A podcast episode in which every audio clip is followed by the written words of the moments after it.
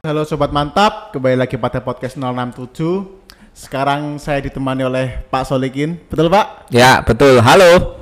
Oh iya, for your information nih, Pak Solikin ini kepala seksi PDMS di KPPN Fakfak. Oh iya Pak, saya mau ngobrol-ngobrol sedikit nih Pak. Saya itu tadi udah membuat eh kan, saya tadi udah baca-baca Pak di KMK 262 Pak, yang tahun 2016 tentang TUSI, tugas seksi PDMS Pak. Kalau saya ngasih challenge ke Pak Solikin boleh nggak Pak? Wes, menarik ini. Boleh, boleh, boleh. Boleh kan? Ya. Oke Pak. Challenge-nya tuh gampang sih Pak. Hmm. Kalau buat Pak Solikin. Bisa nggak Pak? Sebutkan tugas seksi PDMS. Wah. Karena saya udah ngerangkum semua ini Pak. Sebutin Pak coba Pak. Bisa Pak? Ya. Boleh dimulai Pak Solikin? Kalau dihitung-hitung tuh lebih dari 10, Mas. Tapi kita sambil ngitung ya. Sambil Oke. ngitung. Yang pertama itu melakukan pengujian resume tagihan dan surat perintah membayar atau SPM. Itu yang pertama. Yang kedua, menguji untuk SP3 BLU. Mm-mm. Kepanjangannya itu surat perintah eh pengesahan pendapatan dan belanja Badan Layanan Umum. Nanti saya jelasin itu apa. Kemudian yang ketiga itu penerbitan surat tanggapan koreksi. Oh. Nah, itu yang ketiga. Yang keempat, mengelola data kontrak. Nah, yang kelima itu mengelola data supplier. Kemudian terkait belanja pegawai satuan kerja itu yang keenam. Kemudian yang ketujuh ya, ketujuh itu melakukan pengesahan hibah langsung dalam bentuk uang. Iya, betul. Kemudian yang kedelapan, monitoring dan evaluasi penyerapan anggaran satuan kerja. Kemudian yang kesembilan itu melakukan pembinaan dan bimbingan teknis terkait perbendaraan. Mm-mm. Ya. Kemudian yang ke-10 nah ini ini adanya cuma di internal KPPN itu supervisi terkait SPAN. Oh iya. Sistem Perbendaraan Anggaran Negara. Ya, nah, betul. kemudian yang ke-11 ya itu terkait asistensi aplikasi Sakti. Hmm, Sakti itu sistem aplikasi keuangan tingkat instansi. Ya. Nah, kemudian asistensi terkait teknologi informasi dan komunikasi internal, eksternal, sorry, ya.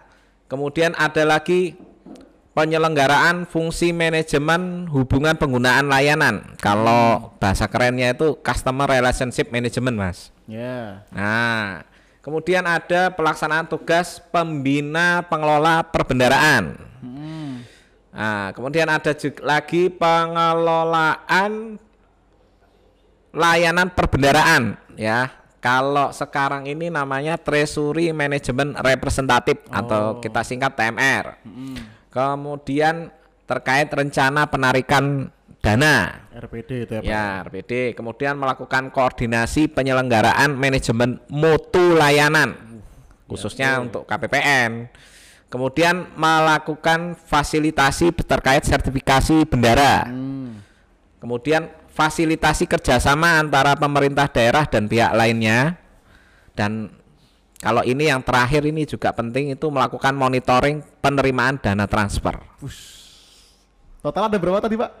Hah, hitungnya berapa ya? 16. Satu dua tiga empat lima hmm, lima belas enam belas enam belas lah 16 ya Wah, dan apal semua ya Pak Solikin ya. Wah, Bener hebat nggak ya? Seksi PDM, Ah. seksinya ini. Wah. Terus Keren. Pak, saya saya ngasih challenge lagi nih Pak. iya Bapak bisa jabarin satu-satu Pak? Enggak Pak. Tapi nggak usah semuanya sih Pak. Ya. Beberapa aja. boleh Tapi ya saya yang tentukan Pak. Boleh Pak? boleh Oh boleh. Oke. Maksudnya pembinaan dan bimbingan teknis pengelolaan perbendaraan itu gimana Pak?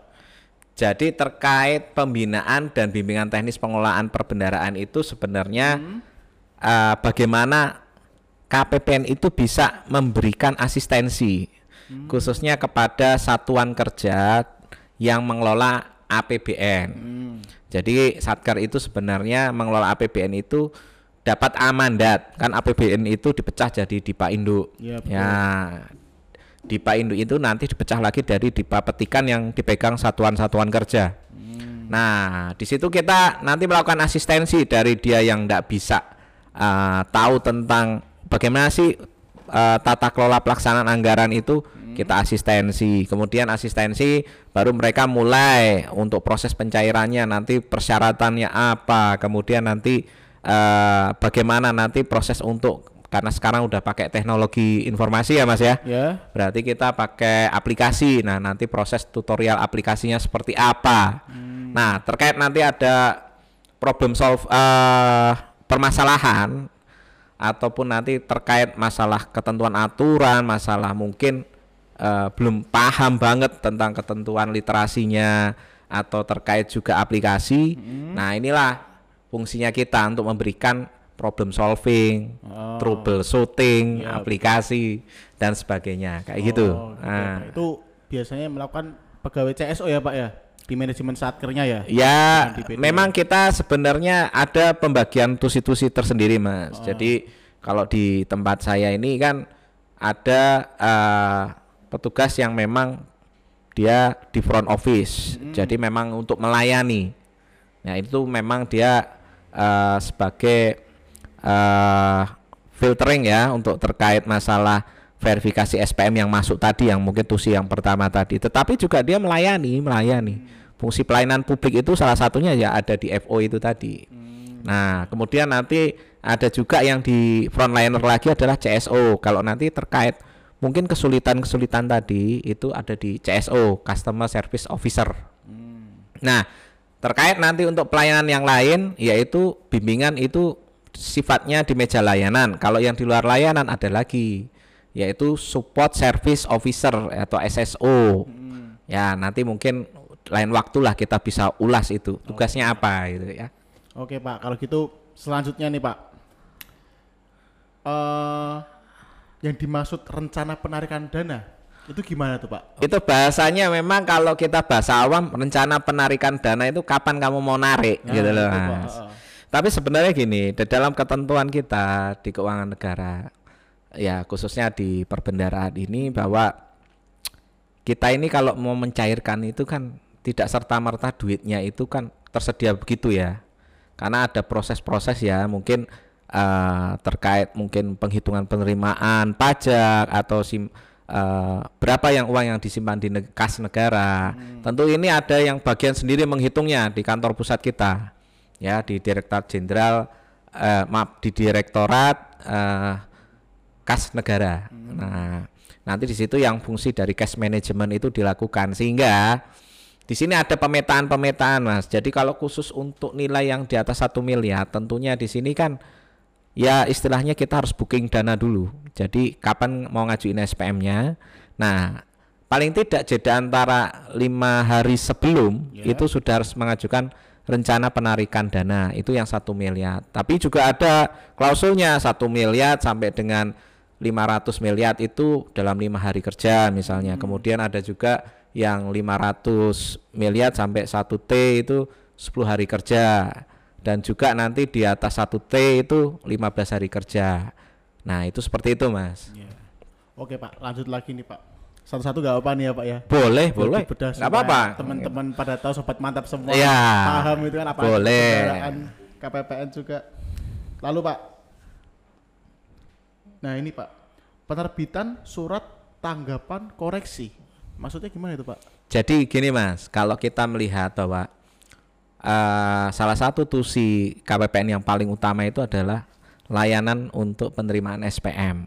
Jadi satuan kerja kit- mitra kita itu mengajukan SPM ke KPPN untuk diproses dan diterbitkan SP2D. Nah, dalam kondisi misalnya proses untuk pembebanan anggarannya, ya kan di situ kan ada eh, terkait kegiatan output, fungsi subfungsi program kegiatan output, kemudian ada akun juga atau komponen-komponen yang memang itu sudah diatur di dalam DIPA masing-masing.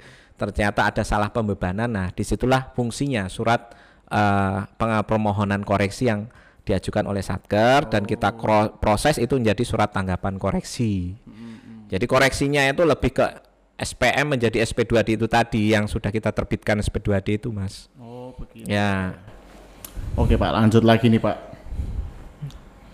Kalau supervisi teknis sistem perbendaraan dan anggaran negara yang biasanya disingkat SPAN itu Pak. Ya. Maksudnya SPAN itu gimana tuh Pak SPAN? Jadi sejak eh, tahun 2014 kita sudah eh, mengimplementasikan itu SPAN ya. ya ini sebagai salah satu eh, reformasi eh, birokrasi di eh, Direktorat Jenderal Perbendaraan ya sebagai tindak lanjut karena prosesnya itu kan juga panjang. Tapi sistem ini kan dibangun dalam sistem database tunggal. Sehingga nanti processingnya database-nya ada di lokasinya di kantor pusat kita. Jadi tidak lagi ada di kantor KPPN KPPN lagi gitu loh. Nah, nanti dari kita sendiri itu yang akan mengoperasikan. Nah, terkait nanti kalau misalnya ada hal-hal lain ya tentu kita melakukan eh, supervisi ya. Karena sebenarnya kerjaan kita itu kan ya memang proses untuk keuangan negara terkait pencairan anggaran ini ya semuanya harus menggunakan SPAN, Mas. Jadi kalau SPM diterima, kita proses untuk diterbitkan di SP2D itu menggunakan SPAN. Tapi ada fungsi-fungsi lain di eh, seksi bagian lain yang nanti juga akan menggunakan SPAN. Tapi kalau di ranah saya ya salah satunya itu. Ya, gitu.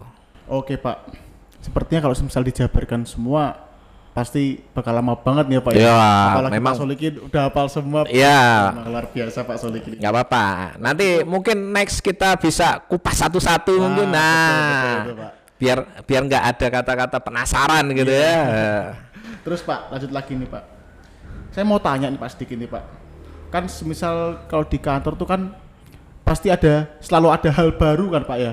Kalau semisal mungkin di pekerjaannya atau apa. Nah, kalau di seksi PDMS sendiri Pak, hal barunya apa Pak? Kayak inovasinya gitu lah Pak. Oke. Inovasinya di seksi PDMS.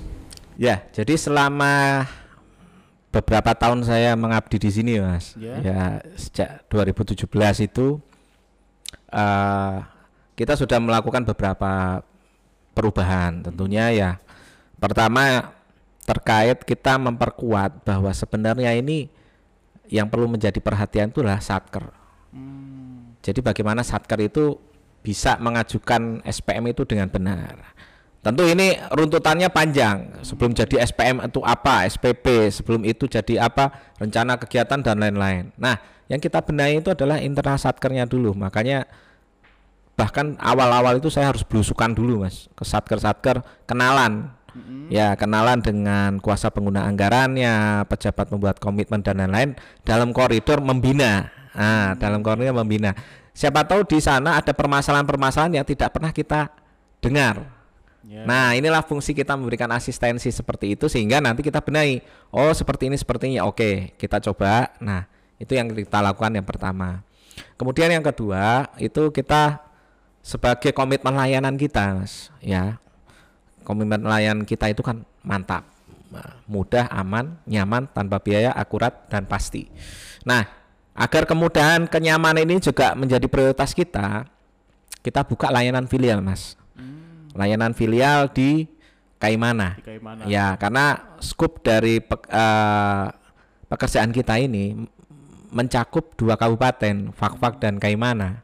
Saya kan juga seluruh KPPN juga punya cakupan area masing-masing gitu ya. Nah, di situ yang dulu itu ada kisah-kisah yang memang kadang kita agak agak miris. Jadi teman-teman di Kaimana ini yang saat ke saat ke Kaimana maksud saya itu kalau ke KPPN itu jauh. Jauh, belum ada koneksi jalan darat. Oh, jalan-jalan nggak ada. Nggak ada. Lewat laut kalau nggak udara gitu Pak. Nah, berarti alternatifnya dua itu. Lewat laut dan udara. Kalau yang udara harus lewat Manokwari dulu atau transit Sorong dulu. Dan biayanya juga mahal, Mas. Jadi kalau misalnya Mas PP mungkin lagi mudik sama ke Kaimana itu imbang lah, Nggak mirip-mirip jauh beda nggak gitu jauh ya. beda. Tapi ya nggak apa-apa. Ini memang eh, harus kita jalani. Yang kedua alternatifnya dengan kapal. Ternyata meskipun fak-fak dan Kaimana itu cuman bersebelahan, tapi kalau ditempuh kapal, kapal yang misalnya yang kapal putih yang besar-besar punya pelni itu, Ya. itu bisa 13 jam mas. Wah. 9 sampai 13 jam itu tergantung juga kondisi lautan ya.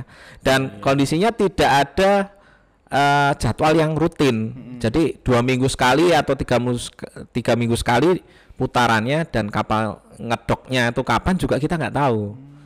Nah ini ya menjadi atensi kadang ini mempersulit juga teman-teman di Satker dalam bagaimana dia mengawal untuk proses pelaksanaan anggaran ini. Ya. So kenapa nggak kita bikin layanan filial gitu lah? Karena memang ini bisa dilakukan.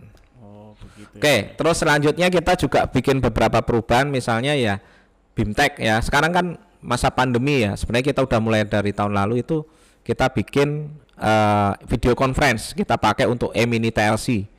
Itu bimbingan jarak jauh, Mas. Ah, itu jarak jauh. Kemudian juga kita melakukan beberapa terobosan-terobosan ya intinya kita memberikan apresiasi juga buat teman-teman. Nah, semoga podcast ini juga itu akan memberikan nuansa baru.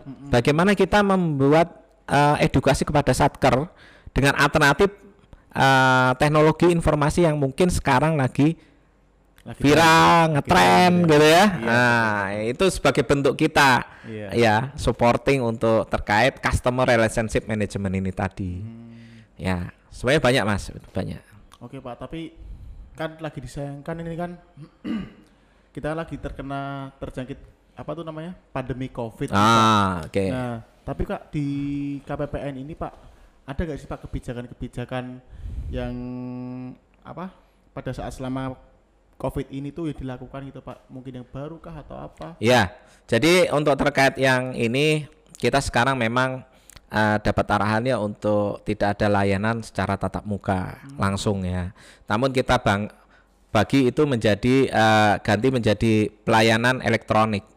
Ya, kalau kemarin pakai email ya sekarang sudah difasilitasi dengan aplikasi SPM itu ya.